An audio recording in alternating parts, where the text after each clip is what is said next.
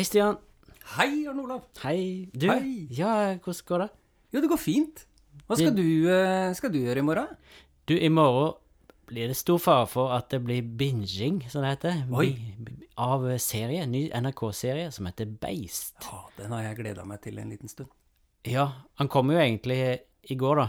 Ja, og litt avhengig av når du hører denne episoden, så kan det godt være en uke siden, eller en måned siden, eller et år siden. Ja. Men den kommer rundt eh, slipp av denne episoden. Ja. Ja. 20. Men hva er Beist for noe? Beist er ny eh, TV-serie basert på Michael Stilson sine bøker om Fredrik som spiller fotball. Ja. Bare spiller ball-serien. ja. Og denne gangen så er det du som har gjort intervjuet. Det er det. Jeg møtte Michael i går på internettet. Ja. Og han hadde masse å si, og hadde sett hele serien, og er veldig begeistra for den. ja. Men, men må man, trenger man å være fotballinteressert for å ha glede av disse bøkene? Nei. Jeg kan jo spørre et motspørsmål. Må Ja. man være mordinteressert for å, spille, for å lese krim, liksom? Eller rakettforsker for å ha glede av science fiction? Ja, nei Eller drage for å nyte eh, Ikke fantasy, sant? ja, så må jo ikke det. Nei. For all litteratur handler jo om mennesker. Ja, ikke sant. Det handler jo om oss.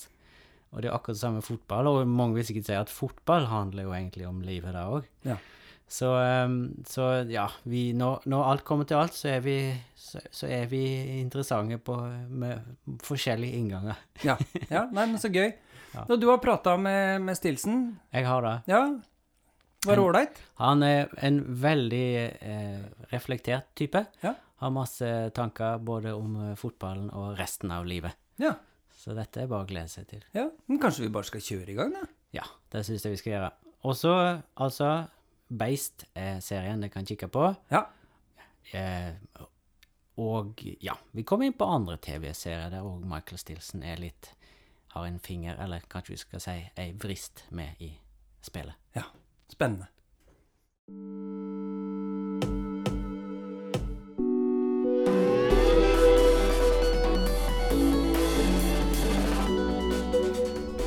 Velkommen til Forfatteren og favoritten, en månedlig podkast om litteratur for unge voksne. Forfatteren og favoritten er podkasten der en forfatter forteller om sine egne bøker, og aller mest om sin favoritt for unge lesere. Jeg heter Arne Olav Hagberg, og dagens gjest er Michael Stilson. Velkommen. Tusen takk for det. Ja. Du, i dag må vi kunne si eh, Jeg måtte bare ta et lite sånn der eh, Excuse my pun. Men i dag må vi kunne si at forfatteren og favoritten er på ballen som aldri før. For denne episoden blir publisert bare én dag etter at serien Beist hadde premiere på NRK. Åtte episoder basert på Bare spille ball-serien til Michael. Dette skal vi absolutt komme tilbake til. Men bare sånn kjapt her i starten. Eh, du har sett hele serien, den nye. Hva syns du?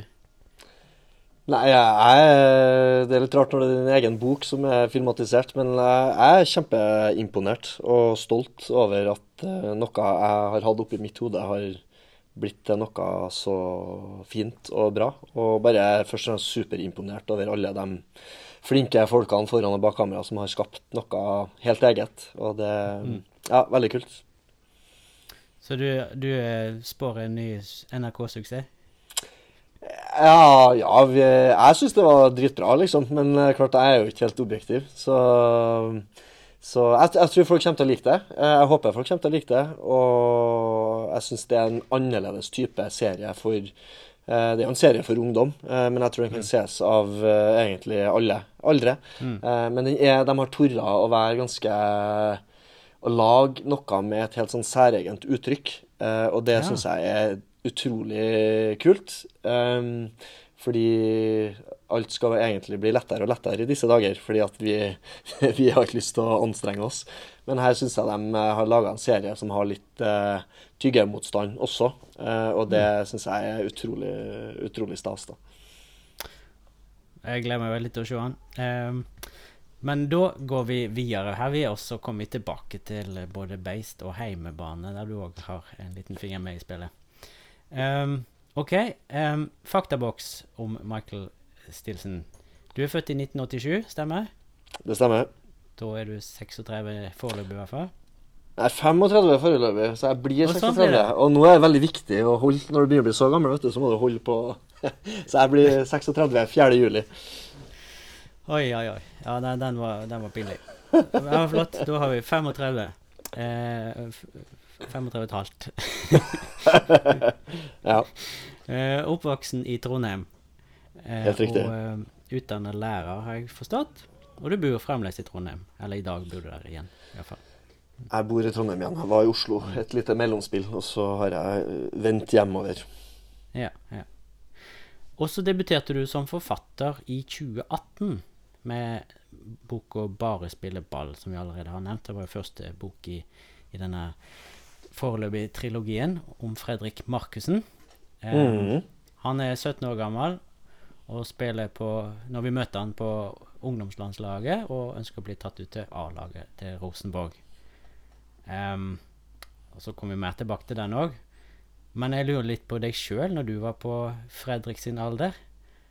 Hva husker du best fra årene mellom 2002 og 2007? Åh, Da du var mellom eh, 15 og 20.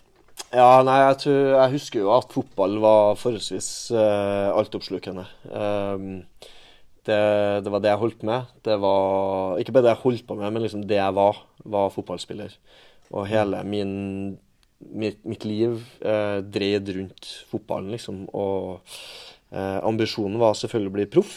Uh, og så Så, så det det er et enkelt svar egentlig på det. Det er at det var fotball eh, som dominerte mitt liv i den perioden der. Og 2002, du kan si at eh, det var i den perioden der som var veldig sånn eh, Ofte husker man jo gjerne fotballmesterskap fra den derre ja, 11-12-13-14-15-årsalderen. og for meg var, var den perioden der veldig ja, eh, definert eh, mitt syn på fotball og og mye av min identitet, da. Så Ja. eh, Det var eh, det liksom kjedelig svar på et vis, men jeg var ganske eh, opphengt i, i å bli en god fotballspiller, rett og slett. Ja. Men når begynte den tanken og drømmen Når meldte den seg først? Husker du det? Nei, ja, det husker jeg hadde hele tida. Altså mm. lenge, før det der òg. Eh, alltid hadde lyst til å bli så god som mulig, og alltid Jeg har jo, som man skjønner når man blir forfatter, også en hang til fiksjonen og det narrativet og det å fortelle historier. Og eh, jeg levde jo på Løkka eh, og var liksom fotballkommentator mens jeg drev og dribla gresstuster på grusen og vant jo Champions League og VM og EM. Eh, alt liksom på en kveld. Og, det, og det var magisk, altså. De, de somrene, hvis jeg skal si liksom i den perioden her, også litt før kanskje, men eh, de somrene ute på Løkka eh, med fotballspilling til langt utpå kveld, eh, sommerlyse kvelder og netter, og det å komme hjem f.eks. til mesterskap og se kamper på kvelden etter at du hadde vært ute og spilt sjøl, eller å se kamper først, og så dra ut og spille og være de her heltene. Eh, Mm. Det var ja, helt, eh, helt nydelig. Så de, de somrene der som ung, det, det er kanskje det, en av det kjæreste barndomsminnet jeg har. da. Og Ja. ungdomsminnet. Mm. Var det noe fotballitteratur som var tilgjengelig for deg? Ja, det var vel Jeg husker kanskje den, den boka som, som jeg leste, som jeg husker, var jo den David Beckham-boka som kom eh, i den fasen her. Det her var jo når han var på sitt største, liksom. Eh, den kom sikkert i ja, rundt 2002, 2003, 2004, et eller annet sted der, antagelig. Eh, det var vel den fotballboka som aller tydeligst. Men annet enn det, så Zlatan-boka kom jo litt senere. Eh, den leste jeg jo selvfølgelig òg, men da var jeg litt, kanskje litt eldre da når jeg leste den. Jeg husker ikke om den kom i 2009 eller Nei, jeg husker ikke, jeg heller. Ja. Men, eh. Men Beck, det var vel Beckham-boka som var den som, Mm. som er av, av fotballitteratur, ja. Ja. Men um, det er jo veldig gjenkjennelig når du skildrer disse kveldene og, og dette her eh, Liksom den drømmen. Det er gjenkjennelig fra bøkene dine. Du har tatt med mye av det inn der. Ja, jeg tror rent tematisk så er det jeg har utforska i de bøkene, er jo nettopp det herre Det skillet som går akkurat i den alderen der, da, når fotball går fra å være eh, noe som bærer i seg en rekke muligheter, drømmer, eh, frihet, leik, moro. Eh, det er kun sånn gledesstyrt, det her og nå. Det er ikke liksom Selv om man drømmer om å komme et sted, så er det eh, det er veldig sånn jorda i øyeblikket. Og så blir man 16-17-18, og så begynner begynner avskallinga å skje. Folk, noen begynner, slutter med fotball, eh, og de som fortsetter, har jo et ønske om å komme videre. Og så blir man liksom eh, veid, og noen ganger funnet for lett, og andre ganger så klarer jeg. Men da, da i hvert fall for meg, da, så sneik det seg inn et mer sånn alvor i fotballen også i løpet av den fasen her.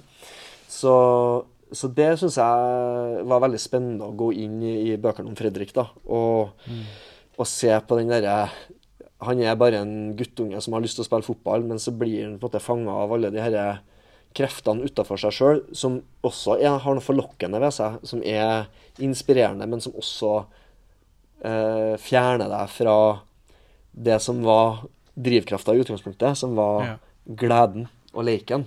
Du har jo hatt en eh, profesjonell fotballkarriere sjøl. Kan du eh, gi et riss av den? Ja, det, jeg, jeg holdt meg jo mest på det man kan kalle et sånn semiproft nivå, så jeg spilte Jeg helt stort sett på med ting ved siden av meg, fotballen. Studert eller jobba litt. Eh, og så hadde jeg noen år hvor jeg var heltidsprofesjonell, eh, og da spilte jeg Jeg spilte i Ranheim eh, i Obos-ligaen, altså norsk førstedivisjon. Og så spilte jeg litt i Eliteserien for Mjøndalen og i Obos-ligaen for Mjøndalen. Og det er liksom de to klubbene på kalles i toppnivå som jeg spilte i. Og så hadde jeg også mange år i andredivisjon i barndomsklubben min Strindheim. Og så var jeg junior i Rosenborg eh, i ja, et drøyt år. Eh, Hvor jeg fikk eh, ja, gleden av å være med på et lag som vant junior-NM og sånn. Ting man tenker var artig å være med på. Eh, så, så jeg har liksom hatt en eh, Eh, alle fotballspillere tenker jo at de kunne ha vært litt bedre eller kommet litt lenger eller liksom vært på et litt høyere nivå. Eh, og, at man, og man har gjerne litt sånn bevis for hvorfor de, den antagelsen er riktig. Men, eh, men i, etter, i etter nå begynner jeg å få såpass stor avstand til at jeg tenker at jeg fikk ganske mye ut av eh, talentet mitt. Og kom ganske langt. Og er veldig, veldig glad for at jeg fikk oppleve det jeg fikk oppleve. Eh, så det hjelper å få litt avstand til ting, eh, for min del i hvert fall. Spiller du i dag? Eh, veldig lite. Jeg har vært med litt med noen sånne kompiser som spiller futsal, eliteserien i futsal, eh, men altfor lite. Altså litt sånn cageball her og der. Men eh, jeg har funnet ut at jeg begynner å bli så gammel og skrøpelig at squash er liksom den idretten hvor jeg, hvor jeg får sånn fotballfølelsen og tempo og eksplosivitet, men, og litt sånn ball eh, ball og taktisk og teknisk eh, forståelse. Og så slipper jeg alle de duellene og, og få sånne eh, skavanker som man får eh, når man spiller fotball. da. Men vi i forfatteren og favoritten, forfatteren og favoritten. Vi er veldig glad i tidsreise, faktisk. Eh, og vi har tidsmaskin og reist tilbake til en gang, når du var mellom 15 og 20 år, til en skole du gikk på. Du kan velge om det er en ungdomsskole eller en videregående skole.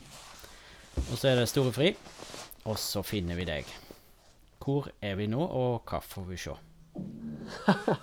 Det var et uh, vanskelig spørsmål. Jeg, eh, jeg tenker at det jeg skulle ønska i ettertid, nå, er at jeg i friminuttene på ungdomsskolen uh, sto og sparka ball. Uh, og torde å være han som gjorde det som alle slutta å gjøre på ungdomsskolen. For Ja. det, det vi gjorde veldig mye i friminutter på ungdomsskolen og videregående, var jo å stå i ring eller sitte rundt bord og prate. Og bare eh, Og det var fint, det, for så vidt, men eh, jeg liksom tenkte at hvorfor På barneskolen så spilte vi jo fotball hele tida i friminuttene. Og så begynte vi på ungdomsskolen, og så plutselig skulle vi gjøre det. Eh, så Nei, det er liksom det kjedelig svar. da. Det var liksom Vi, vi satt og for i kantina, kjøpte noe mat. Og så satt vi i en eller annen sofa eller rundt et bord eller eh, På videregående så husker jeg det var sånn heis, sånn gammel videregående. Så det hendte seg at vi drev og tok den heisen opp og ned. Eh, ja, faktisk, når du ser på ungdomsskolen Så jeg gikk jo på Blussevoll ungdomsskole, som ligger eh, på Tyholt i Trondheim. Og det er jo rett ved siden av Tyholttårnet. Så vi kunne jo i noen friminutter fære bort til Tyholttårnet. Og oppe i tårnet her så er det jo Egon eh, restaurant. Ja, som snurrer rundt. Snurrer rundt og har sånn eh, panoramaview eh, av eh, eller hele Trondheim, da, sånn 360 Eh, Men vi prøvde å ta heisen, og det vi prøvde å gjøre da, var at vi dro i døra på heisen og fikk heisen til å hoppe. Altså når heisen var på vei oppover i etasjene. Jeg, nå gir jeg tips til folk, da. Men vi, vi dro i døra, og så hoppa heisen. Eh, og noen ganger så stoppa han til og med. Så ble vi stående fast i heisen i Tyholttårnet. Eh, så det var en greie vi gjorde. Og så var det også sånn at når du tok heisen opp, når den liksom kom helt opp, så var det sånn hvis du tima helt riktig og hoppa idet heisen kom på toppen, så ble du liksom vektløs eh, et lite øyeblikk, da. Oi, Ja, så det, så det var jo en sånn greie vi gjorde på ungdomsskolen, primært. da, At vi for bort dit. Og det var litt så populært eh, hos dem som jobba på Egon. Men eh, ja, så det, det, var, det hadde jeg glemt. Men det, det gjorde vi litt, ja. Vektløshet i, på, på Tyholt. Ja. ja. Men eh, um, det høres jo for meg ut som om du var en ganske sånn eh, trygg fyr som, som ikke Ja, som, som hadde venner og, og følte at det var ålreit å være på, på ungdomsskolen og videregående. Ja, det, det var jeg nok. Uh, så tror jeg Jeg var jo et år i USA da jeg var 14. Niendeklasseåret. Da var jeg freshman uh, på high school. Uh, for min far er amerikaner, så, så vi, de var opptatt av at vi skulle tilbringe Alle mine søsken og jeg skulle tilbringe et år der. Eh, og da var det kanskje første gang i livet jeg opplevde ensomhet. Jeg spilte jo fotball på skolelaget og på sånn klubblag og hadde kompiser der. Og, men i USA så er avstanden ganske stor. Mm. Så at uh, vi bodde et annet sted enn der alle de guttene som jeg spilte fotball med, bodde. Og du måtte ha bil egentlig for å komme deg rundt på en enkel måte. Så jeg ble litt sånn isolert. Og da husker jeg at jeg kanskje for første gang i livet opplevde ensomhet. da, Og, og liksom kjente at Og det tror jeg førte til en sånn bråmodning. For jeg tror jeg var litt sånn jeg var ikke den hyggeligste fyren. eh, jeg er ikke den hyggeligste fyren nå heller. Men jeg hadde, jeg hadde liksom de her guttestrekene og var kanskje litt frekk i kjeften og i hele tatt eh, mye sånne greier. Eh, og så hadde jeg det året der hvor jeg kanskje som en konsekvens av det ble litt tryggere, for at jeg var vant til å være med meg sjøl og, og stå i ting alene. Og det tror jeg jeg hadde med meg i, siden da, at jeg ble tryggere av det. Så eh, av, til å stå for ting og sånn, og så jeg har alltid hatt mye kompiser og sosialt nettverk, og det er jo en Spesielt gjennom fotballen, da, så Mm. blir jo det en greie, da. Ja. Jeg lurer på, er du, er du gutten fra litteraturfamilien som tilfeldigvis var veldig god til å spille fotball, eller er du gutten fra fotballfamilien som tilfeldigvis fant veien til bøkene? Jeg er ingen av delene. Jeg er Nei. gutten fra friidrettsfamilien som ble det sorte fåret og fant fotballen og litteraturen.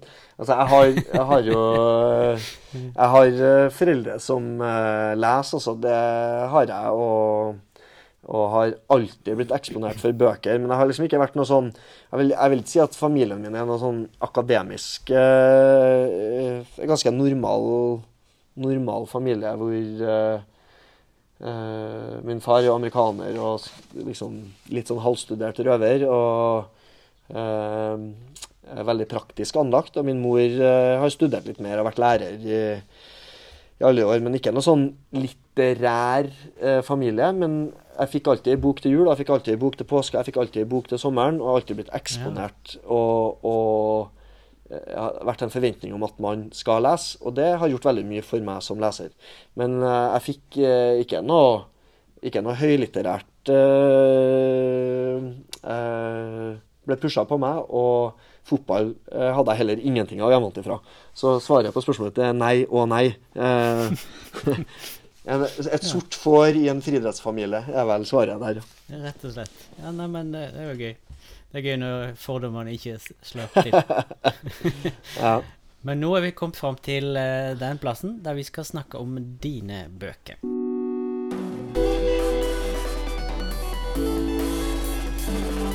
Før vi går konkret inn på bøkene dine, så vil jeg spørre eh, Hvordan begynte du å skrive? Eh, ja, hva skal jeg si der, da? Eh, jeg har alltid likt å fortelle historier. Alltid prata mye. Hvis du spør folk som har vært lagkamerat med meg, så sier de at jeg holder jo aldri kjeft. Og eh, det er artig i dag, da når jeg møter gamle lagkompiser og så driver og prater, så husker jo jeg historier som de sjøl har glemt, og det syns de jo er veldig artig. For da liksom ja, Det der var vi med på, fikk oppleve det og sånn. Eh, så alltid hatt muntlig forteller. Eh, Ja. greie. Eh, og så har jeg alltid likt å skrive, og så hadde jeg en periode hvor jeg var redd for å bli voksen. Eh, hvor jeg bare sånn Det var sikkert litt dødsangst knytta til også voksenangst. Sikkert når jeg var sånn 10-11-12 år gammel. Og da fikk jeg rett og slett ikke sove om kveldene. Eh, og da husker jeg mora mi, når jeg sa det, jeg jeg er livredd for å bli voksen. Så sa hun at ja, men du For jeg så for meg liksom jeg måtte gå i dress og være på kontor og liksom være sånn ser, alvorlig. Det var voksenliv liksom for meg. Så jeg, ja, men du trenger jo ikke det. Hvis du klarer deg med litt sånn ikke så stort hus og ikke så fin bil, og liksom klarer deg med færre ting, så kan du jo bli forfatter, sa altså, så, allerede implisitt da var jo forfatterøkonomien eh, Skjønte man jo at eh, det ikke garantert å ha noe eh, sterk inntekt. Eh, men så da kan du sitte på en benk liksom, og se på folk og dikte historier om dem og sånn. og så Det tror jeg satt i altså den derre ja. eh, lysten til å skape et levebrød av eh, å bare dikte. Eh, og så, så har jeg skrevet helt jeg alltid syntes det var artig å skrive. Og hadde litt sånn forfatterdrøm i magen. Jeg var en sånn umoden skribent. Og det er én fordi at jeg leste for lite da jeg var ungdom. da. Så der hører jeg sånn, de store forfatterne fortelle jeg har lest og lest og lest. lest, lest, lest, liksom, og bare, så var, jeg var jo ikke der. Jeg spilte fotball. Spilte, spilte, spilte, spilte fotball. Og så leste jeg litt. Ehm, så jeg var nok ganske umoden. Jeg hadde liksom ikke noe sånn sterkt forhold til komposisjon og liksom eh, sånn metaspråk for å forstå hvordan eh, historier, romaner, konstrueres. Men så Ja, altså, metaspråk det betyr altså språk om språket, liksom. Om, ja, ja, liksom eh, at du går ut av det konkrete teksten og så ser liksom hvorfor funker den her, og hvorfor Ja. funker ikke den, og eh, hva som gjør at den historien her gjør at jeg har lyst til å lese videre, og hvorfor Ja. Men, eh, men så Jeg tenkte ikke jeg skulle bli fotballforfatter, for jeg tenkte jeg var sånn hvis jeg først skal bli forfatter, så skal jeg bli sånn intellektuell eh, skal bli sånn Jeg skal bli Per Petterson eller Knausgård eller et eller annet sånt, da. Og så eh, Men så drev jeg og skrev, Altså, når jeg spilte i Mjøndalen, så fikk jeg begynne å skrive for NRK. Så jeg skrev sånne tekster fra livet fra innsida av fotballgarderoben. Og da begynte jeg å få tilbakemeldinger fra liksom fotballfolk som jeg tenkte sånn Jeg har ikke lest noe annet enn kanskje et Donald-blad i løpet av livet. Som var sånn Jeg kjente meg igjen. Det var ganske lange tekster jeg skrev, vet du. Men de bare de, de ga uttrykk for at det traff dem. da At, at jeg hadde satt ord på noe de hadde kjent og følt. Og, og da begynte jeg å innse at fotballen Det er så mye eh, med det å være fotballspiller, aller mest det å være menneske i et fotballmiljø. Altså det er så komplekst og vanskelig og komplisert eh, at eh, ja, her er det faktisk noe å, å ta tak i. Og da Da fant jeg ut at jeg skulle eh, begynne å skrive de her bøkene om Fredrik. Så, så den forfatterdrømmen har liksom vært i meg. Jeg sendte inn en del tekster til forlag, ble refusert. Og så har jeg skjønt liksom hva i helsike var jeg holder på med da. Jeg hadde jo ikke peiling. Og så, eh, så det var en modningsprosess. Og, eh, og så fikk jeg liksom foten innafor eh, hos forlaget mitt Cappelen Dam. Og så fikk jeg en veldig flink redaktør som trykka på alle de riktige knappene. Og, og så har jeg fått en, som, en ny redaktør på de to siste bøkene om Fredrik, eh, som også er utrolig flink. mm. Og bare får meg til å skjønne mer og mer, da. Og du blir jo aldri ferdig utlært, fordi at eh, I hvert fall jeg har lyst til å skrive nye ting og utvikle meg sjøl, så, så Men jeg kom til et punkt hvor jeg liksom i hvert fall var eh, skjønt Fikk det metaspråket, da, og skjønner litt mer hvordan jeg driver og konstruerer historier. Mm. Så, så forfatterdrømmen lå som et litt sånn frø i magen, og så fikk det spire og gro, og så var jeg heldig og fikk innpass på riktig sted til antagelig riktig tid. da. Hvis du og jeg møttes i en eh, ja, si, vaksinekø eller noe sånt, og så var mitt nummer neste til å bli ropt opp, sant? så du hadde ganske dårlig tid, hvordan vil du presentere Bare spille ball-serien for meg? Det er en rar eh, setting å skulle presentere. Jeg ser Nei, denne heisen. nei, nei. Ja, nei, men uh, det, det er rett og slett en ung fotballspiller i starten på en proffkarriere hvor, hvor ting går fra å være veldig uskyldig og uskyldsrent, hvor, hvor det er bare drømmen, til at den drømmen materialiserer seg, og så er det ikke like rent og pent og ryddig sånn som man ser det for seg, men det er faktisk en ganske kaotisk, øh, stygg prosess til tider, og mange som vil noe med deg. Eh, Du går fra å være et menneske som på med det du elsker mest, til å bli en slags vare eh, som mange eh, har lyst til å profitere på. Eh, og det det å være menneske oppi der, og spesielt et ungt menneske som ikke har noe erfaring og kanskje ikke har utvikla stemmen til å si 'det her vil jeg', eller eh, si ifra hva som er riktig for seg sjøl, og kanskje ikke vet hva som er riktig for seg sjøl, eh, det er bøkene om Fredrik. Eh, og gjennom de tre bøkene så eh, opplever han jo eh, fotballen på noe av sitt mørkeste, men også på noe av sitt vakreste. Altså det å bryte gjennom den støyen, det å klare å bekjempe og motstand, og ikke minst finne den stemmen. Eh, Og vokse på motstand. Så det er bøkene om Fredrik. Og så kan jeg si at det blir, det blir ikke noen flere bøker om Fredrik. Så jeg er ferdig Nei, jeg er ferdig med jeg, I hvert fall eh, enn så lenge. Kanskje om, ti år, da, så er det sånn Jeg må finne ut hvordan det gikk, gikk med. Men uh, Nei, det må har- diktere sjøl, da. Ja, det, det jeg, jeg har kjent på lyst til å gjøre litt andre ting eh, enn å skrive Ja. om han. Jeg har jo en kompis som mener at jeg bare kan skrive ett år, eh, ei bok for hvert år av karrieren hans. Så bare, eh, men jeg har ikke noe lyst til å begynne å reprodusere meg sjøl på et vis. Eh, og, og liksom eh, gjenbruk av ideer. Eh, så jeg tror jeg må ut av Fredrik sitt hode Ja. eh, og utvikle meg sjøl som forfatter, rett og slett. Ja, en en ting jeg har lyst til å spørre om, det er hvor du finner inspirasjon til karakterene dine. når du har levd et liv i fotballgarderoben, så har du truffet ganske mye karakterer. Den er jo full av karakterer. Så det er jo bare å velge og vrake, da. Eh, og så tror jeg nok at jeg har eh, på at jeg, med utgangspunkt i de typene jeg har sett forma nye karakterer. Altså så de er helt fiktive. Men det er garantert mange i fotballmiljøet som jeg hadde nær befatning med, som vil tenke sånn Er det der meg, eller er det der han? Eh, Ja. Er det hun? Eh, og det er ingen, ingen i boka som er noen ett menneske som eh, Sånn at eh, det er en sånn Det er fiksjon, liksom. Og, og det kommer jo fra et sted, det kommer fra erfaringene, måten jeg har observert folk, de tingene de gjør. Og så har jeg skapt karakterer som som eh, Ja, de blir jo det de blir, da. Eh, men de er ikke Det er ikke sånn det er, ikke en, det, er ikke, det er ikke noe selvbiografisk. Jeg har gjort noen grep som er bare sånn enkel research. Fredrik spiller samme posisjon som meg. Jeg var høyrekant da jeg spilte fotball. Og det handler ikke om at Fredrik er meg, det handler om at han Det er den posisjonen jeg kan beskrive best. Jeg kan Ja. mye bedre beskrive følelsen av å stå ute på krittet og være kant i 4-3-3 enn å beskrive hvordan det er å være midtstopper eller i sentral midtbane. Eh, sånn at eh, Og han har vokst opp i samme område som meg i Trondheim. Det er bare for at da vet jeg hvor han beveger seg. Jeg trenger ikke å I bok to så er han jo i Berlin, og da måtte jeg jo reise til Berlin da, for å, å, å være på treningsanlegget til Hertha Berlin og uh, alt sånn. og men det, det er ikke noe selvbiografisk. Jeg har ikke levd det livet Fredrik lever. og Jeg kan kjenne meg igjen i mye av emosjonene som en Fredrik har, men det tror jeg de fleste fotballspillere kan.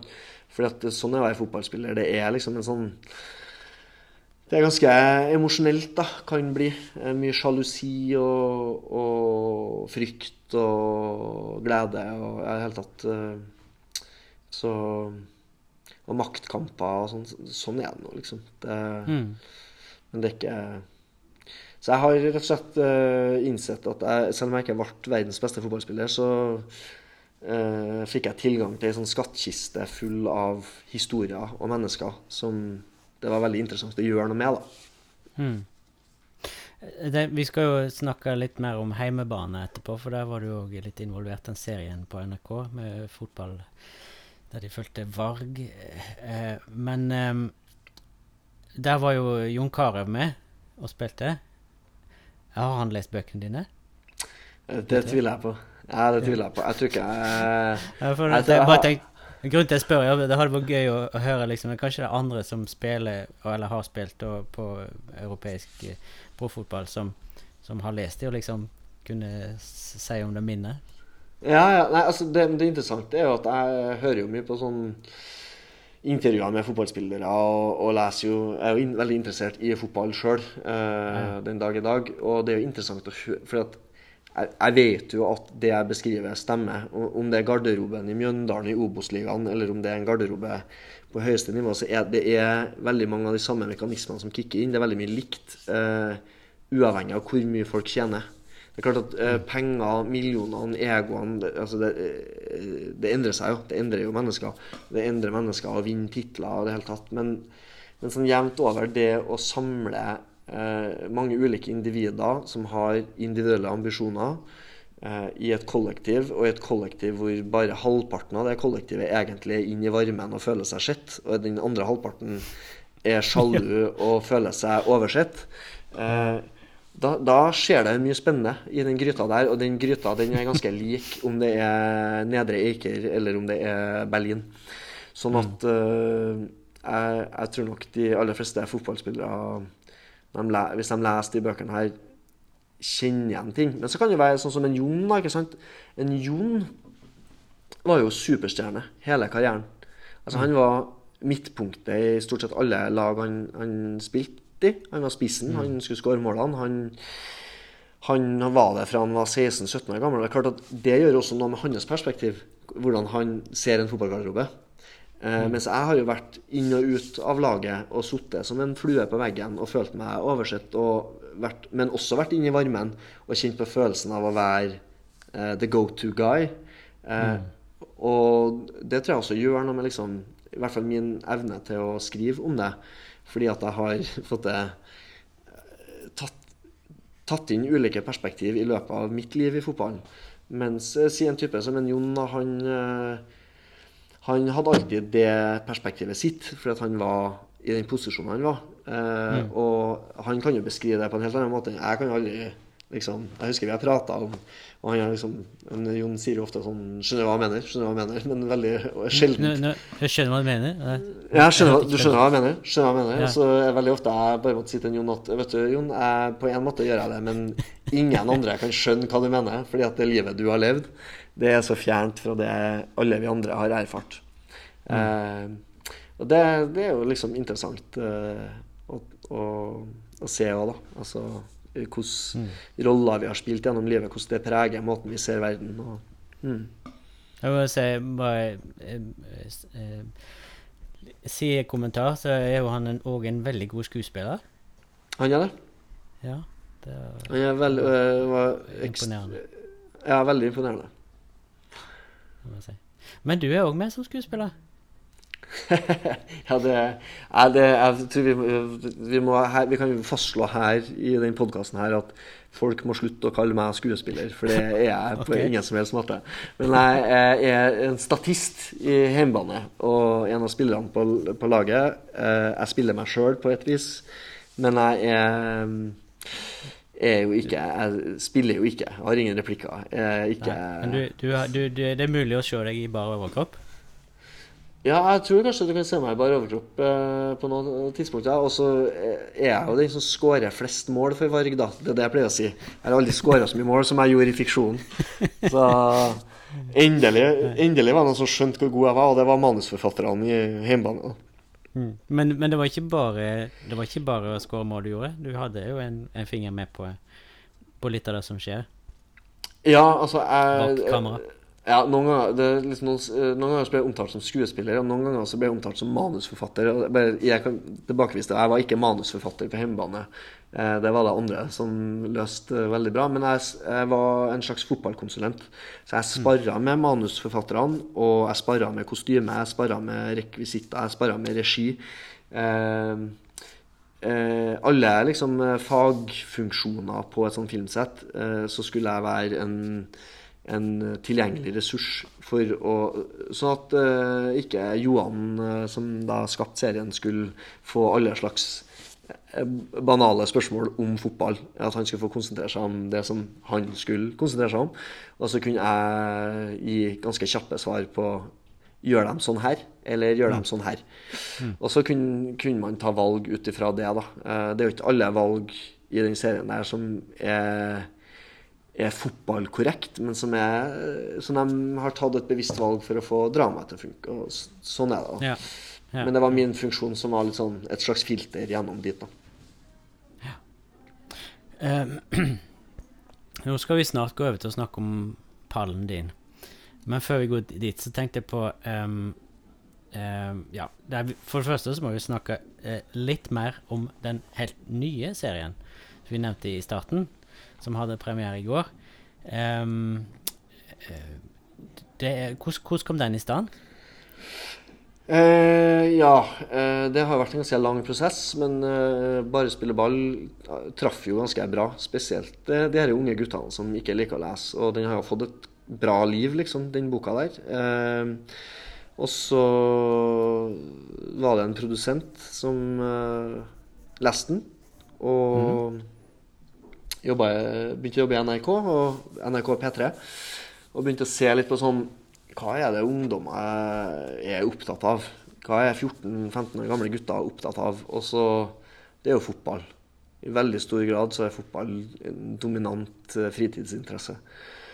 Og så hadde han lest denne boka, og så så han jo at her Kanskje er det noe her, da. Eh, og da kjøpte NRK rettighetene til å utvikle, utvikle Bare spille ball, eh, serien, da, til en TV-serie.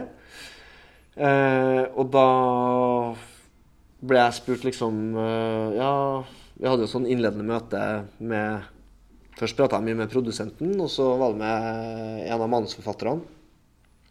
Og jeg ga dem jo frie tøyler. For jeg, liksom, jeg har lest så mye bøker og sett når de har blitt filmatisert. Tenk sånn, Boka er alltid bedre. Boka er alltid bedre. Så uh, en, en filmatisering vil liksom kunne konkurrere med litteraturen. Hvis du leser de bildene du skaper sjøl, og det blir rikere for at du har ikke noe tidsbegrensning, liksom. Så jeg var veldig bevisst det, da, at jeg tenkte at her skal ikke jeg kjempe for at det skal bli mest mulig likt romanen. Altså, jeg, jeg vil at eh, essensen i historien om en ung fyr som står i en rekke avgjørende valg, og som sliter med å finne noen som lytter til en, og som forstår hva han vil eh, eh, At det liksom er, det er ikke noe hjelp noe sted. Han står veldig alene i en masse sånne krefter som virker på han. Det var det viktigste for meg. Men om den scenen eller den scenen, eller om han heter Fredrik eller om han heter Elias, som han heter i serien, da, var ikke veldig viktig for meg. Eh, og, og da tok de seg jo store friheter først. så da i starten så ble jo det manuset eh, ble jo, Og det var greit, det. Det var fint. Det, det var ikke noe galt i det. Men det som var artig, var at etter å ha jobba med utvikling i ja, et års tid, liksom De siste manusene, når vi begynte å nærme oss det som da ble manusene som gjelder i serien, så lå jo plutselig det mye tettere opp mot romanen sin fortellerstruktur. Og et eksempel på det er at i Bare spille ball, du får ikke vite noe om hva som skjer på skolen. Altså det er, det er bare fotball. Og det var litt for å skape den klaustrofobiske følelsen av at det er bare det som betyr noe for den. Det er ikke noe annet. Det er ikke skole. Det er fotballen som er essensiell i livet til Fredrik. Og det gjorde de i serien òg, og det syns jeg liksom eh, har blitt dritbra. Og, og det synes jeg var, jeg var veldig glad for at de gjorde den der omstendelige prosessen. Og så landa de ganske nært det som var eh, essensen i romanen òg. Så, ja. Og så spilte de den i fjor sommer, og det, jeg må bare si jeg er igjen veldig imponert da, over det de har fått til. Og det er Beist som er navnet på serien. Beist. Beist veldig fornøyd med den tittelen nå. Det må jeg si. Ja. Tøft, det. Um, og du sa jo allerede at uh, boka er alltid best. Jeg tenker um, for, for meg så handler det veldig mye om eh, at det, det er jo Bøkene går jo inn i hodet på folk. Mm. Så liksom motivasjon og refleksjon og følelsene og sånn blir så veldig sånn komplekse da, i en bok sammenlignet med Mm. en film.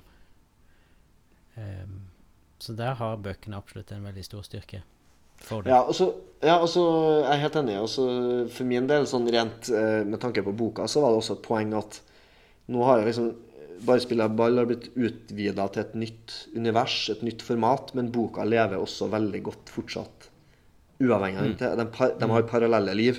Eh, og det syns jeg er også utrolig fint, da. Eh, at det, de, de bygger og spiller hverandre gode på et vis, da. Eh, Ja. Så mm. For der er jo det, alle de tre bøkene som du har anbefalt på pallen, er jo òg filmatisert. Ja. Suksessfilmatiseringer. Så da passer det veldig godt at vi går over dit.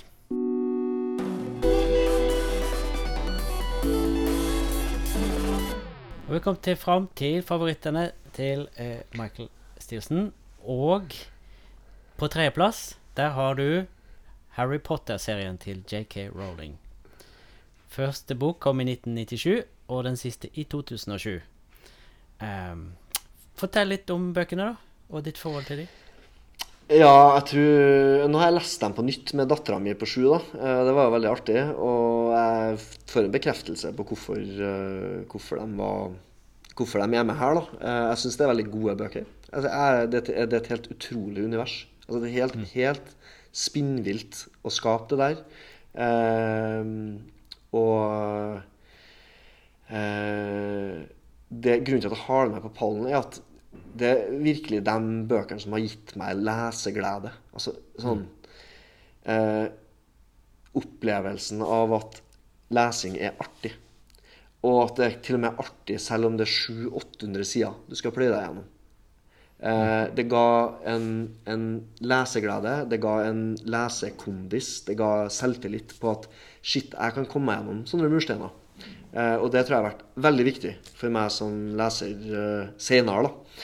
Eh, men i bunn og grunn så handler det om at jeg bare syns det var utrolig spennende, fengende, eh, givende bøker. Eh, og nå som voksen jeg leste så bare kjente jeg at eh, jeg var bare stum av beundring. For at du har på en måte drevet og konstruert sånne universer sjøl, eller laga bøker, og så ser du det her er så gjennomført, og det er så bra håndverk, da. Ja. Så mm. Jeg husker sjøl når jeg kom til siste bok eh, Altså, jeg, har, jeg er jo så voksen gammel at jeg har lest de bare når jeg var voksen. Og jeg husker når jeg kom til siste bok, det ble en sånn eksplosjon i hodet mitt når jeg skjønte Himmel av, dette har hun bygd opp til ifra bok én. Det går ikke Ja. an, liksom. Det Nei, det er helt stor, utrolig. så stor verden, så store linjer. Det Ja. er helt sånn. Ja. Helt sjukt. Ja, veldig. helt sjukt. Veldig, Ja. veldig flott. Andreplass, der har du ei helt annen bok. Khaled Hosseini, 'The Kite Runner', eller 'Drageløperen', som heter på norsk. da. Eh, 2003 på amerikansk og 2006 på norsk. Eh, eh, hva slags bok er dette? Ja, altså, jeg syns jo det, det spørsmålet om å velge ut tre bøker fra den perioden her var veldig vanskelig, for jeg sliter jo med å huske på hva jeg har lest. Jeg husker liksom Harry Potter, og så måtte jeg jobbe for de to siste bøkene. Men så kom jeg på den boka der, da. Eh, og jeg tror liksom at den Jeg leste den jo på engelsk, og jeg husker at jeg leste den på ferie i USA. Og, og den Det som jeg tror, tror jeg, Det er jo de her to kompisene og overtagelsen, eh, altså Taliban og i det hele tatt eh, Når Afghanistan blir et ganske gruffelt sted å, eh, sted å være, da. Eh, men det er også beskrivelse av livet før det der. Og sånn eh, Det her var jo like etter eh, USA gikk inn i Afghanistan og hele det brutale opplegget der også starta.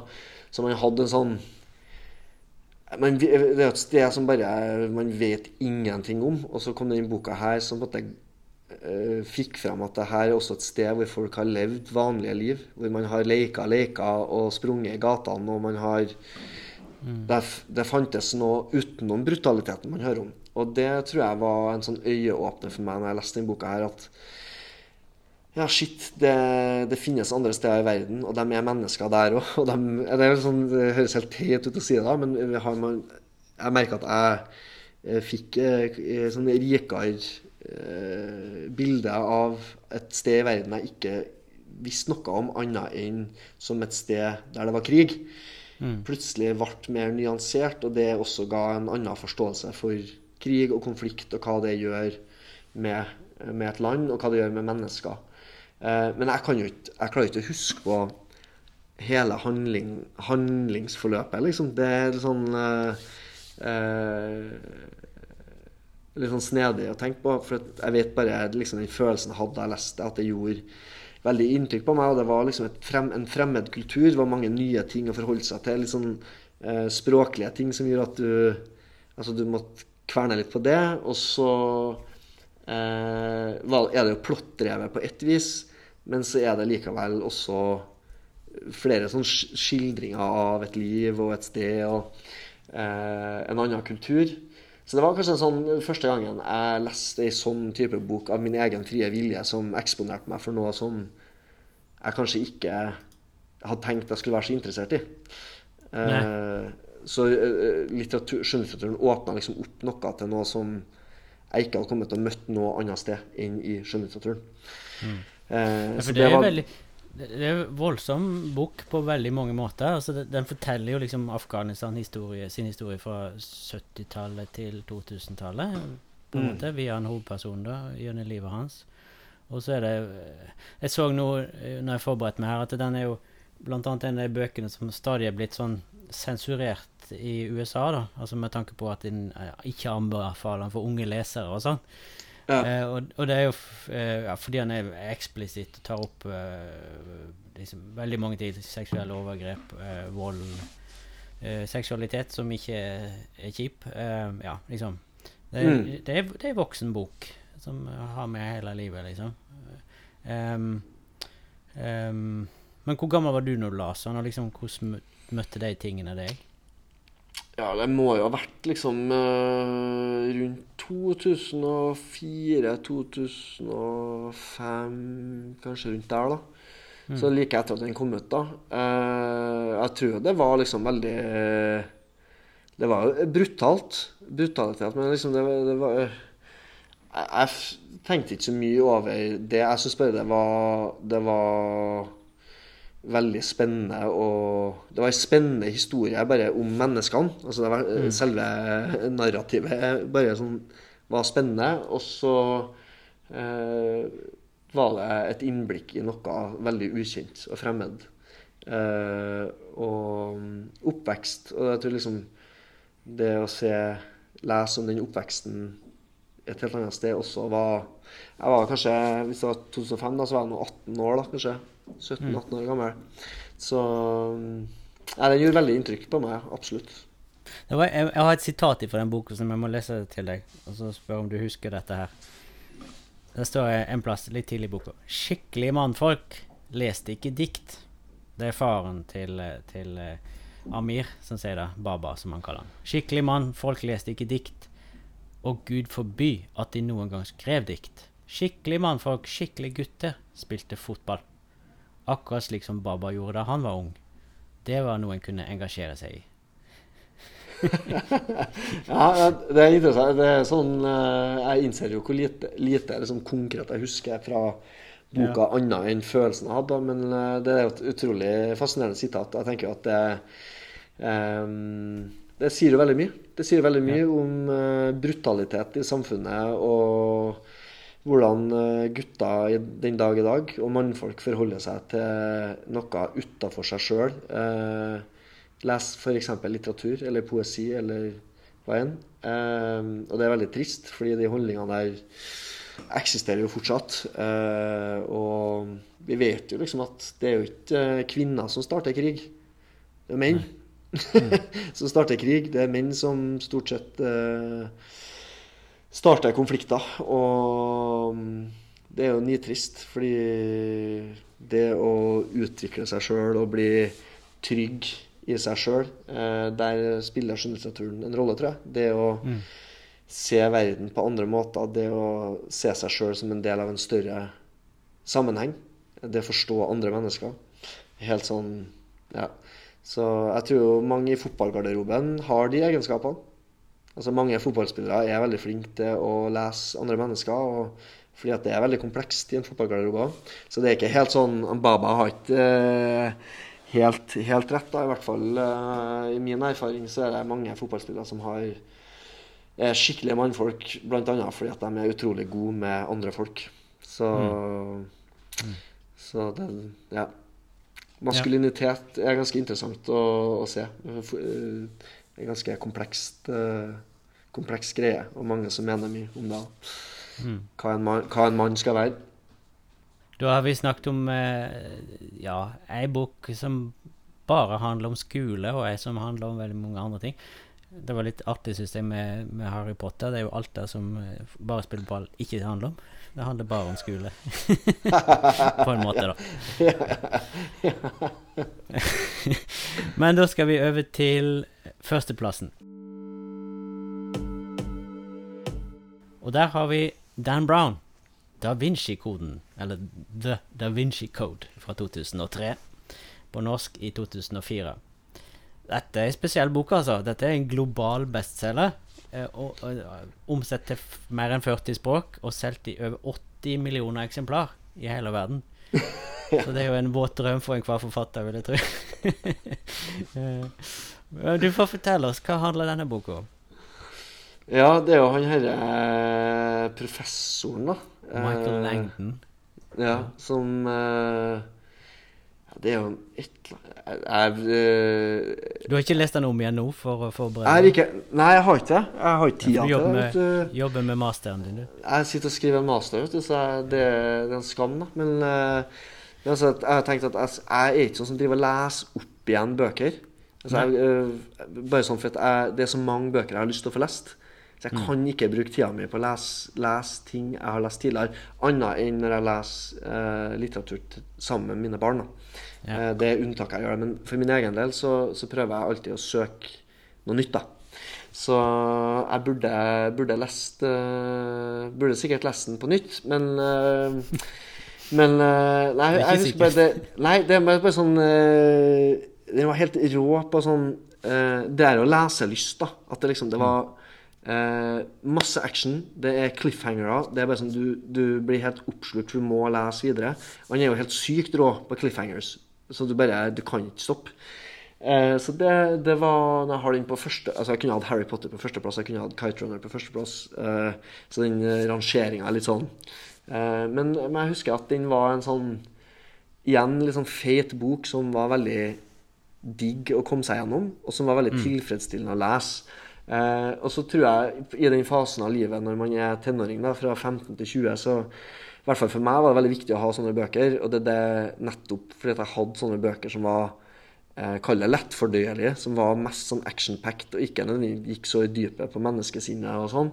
Eh, mm. og som rent narrativ Altså strukturen på dem eh, var veldig sånn Eh, tilfredsstillende, veldig stor hjelp til leseren å ha forholdsvis korte kapittel, veldig eh, mye action, eh, gjorde at jeg liksom øvd opp lesekondis. Og så tenker jeg nå at jeg eh, jeg, ikke, jeg, leser ikke, jeg leser ikke nok særlig krim eh, som voksen nå.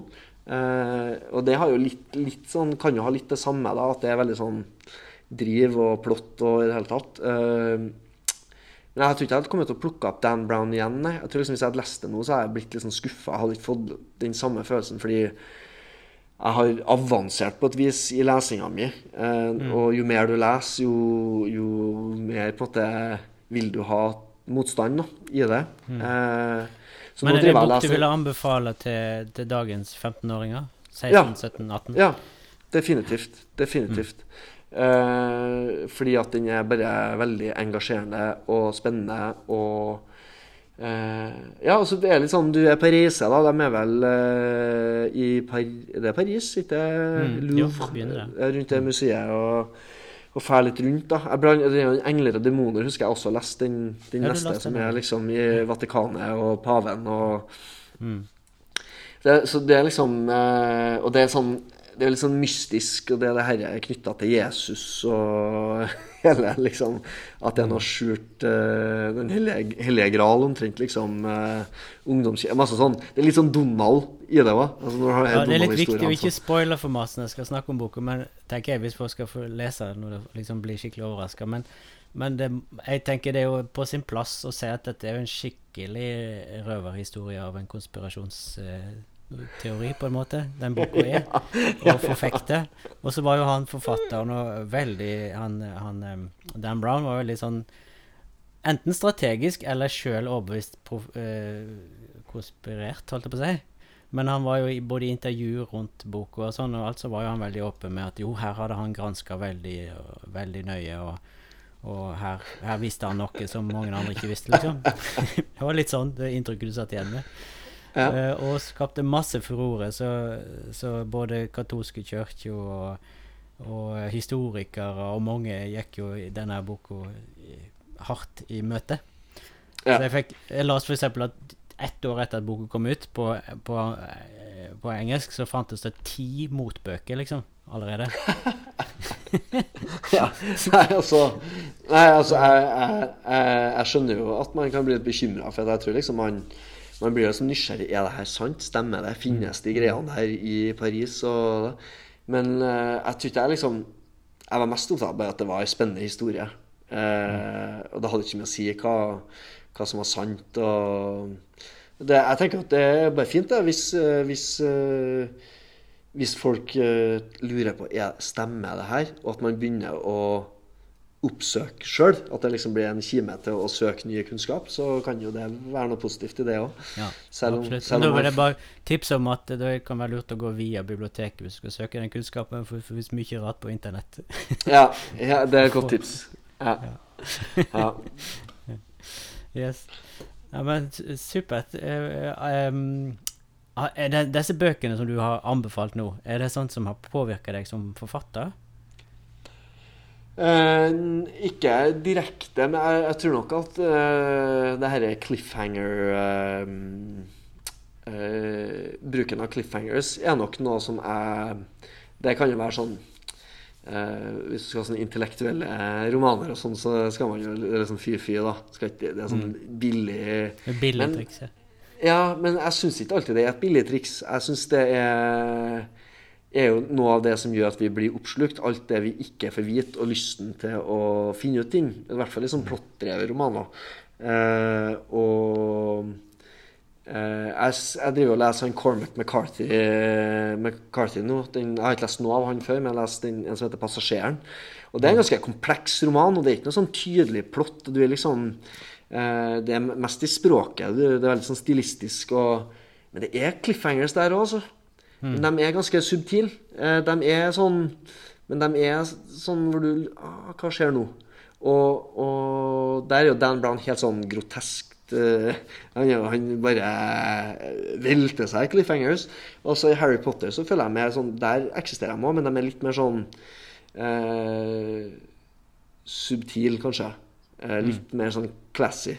Um, så i min egen skriving så er det noe jeg prøver å få til. Er liksom uh, cliffhanger som driver for å ha lyst til å lese videre. Og jeg tror den er veldig viktig for unge, umodne lesere. Uh, det er en litt sånn gulrot Uh, som du driver og jager hele tida, som hesten, liksom.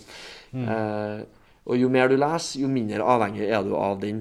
Og kanskje har du lyst til å du har lyst til å lure enda litt mer. Eh, du begynner å gjennomskue noen strukturer. Men eh, i en tidlig fase, i en ungdomsfase, i en sårbar lesefase, så tror jeg er så viktig.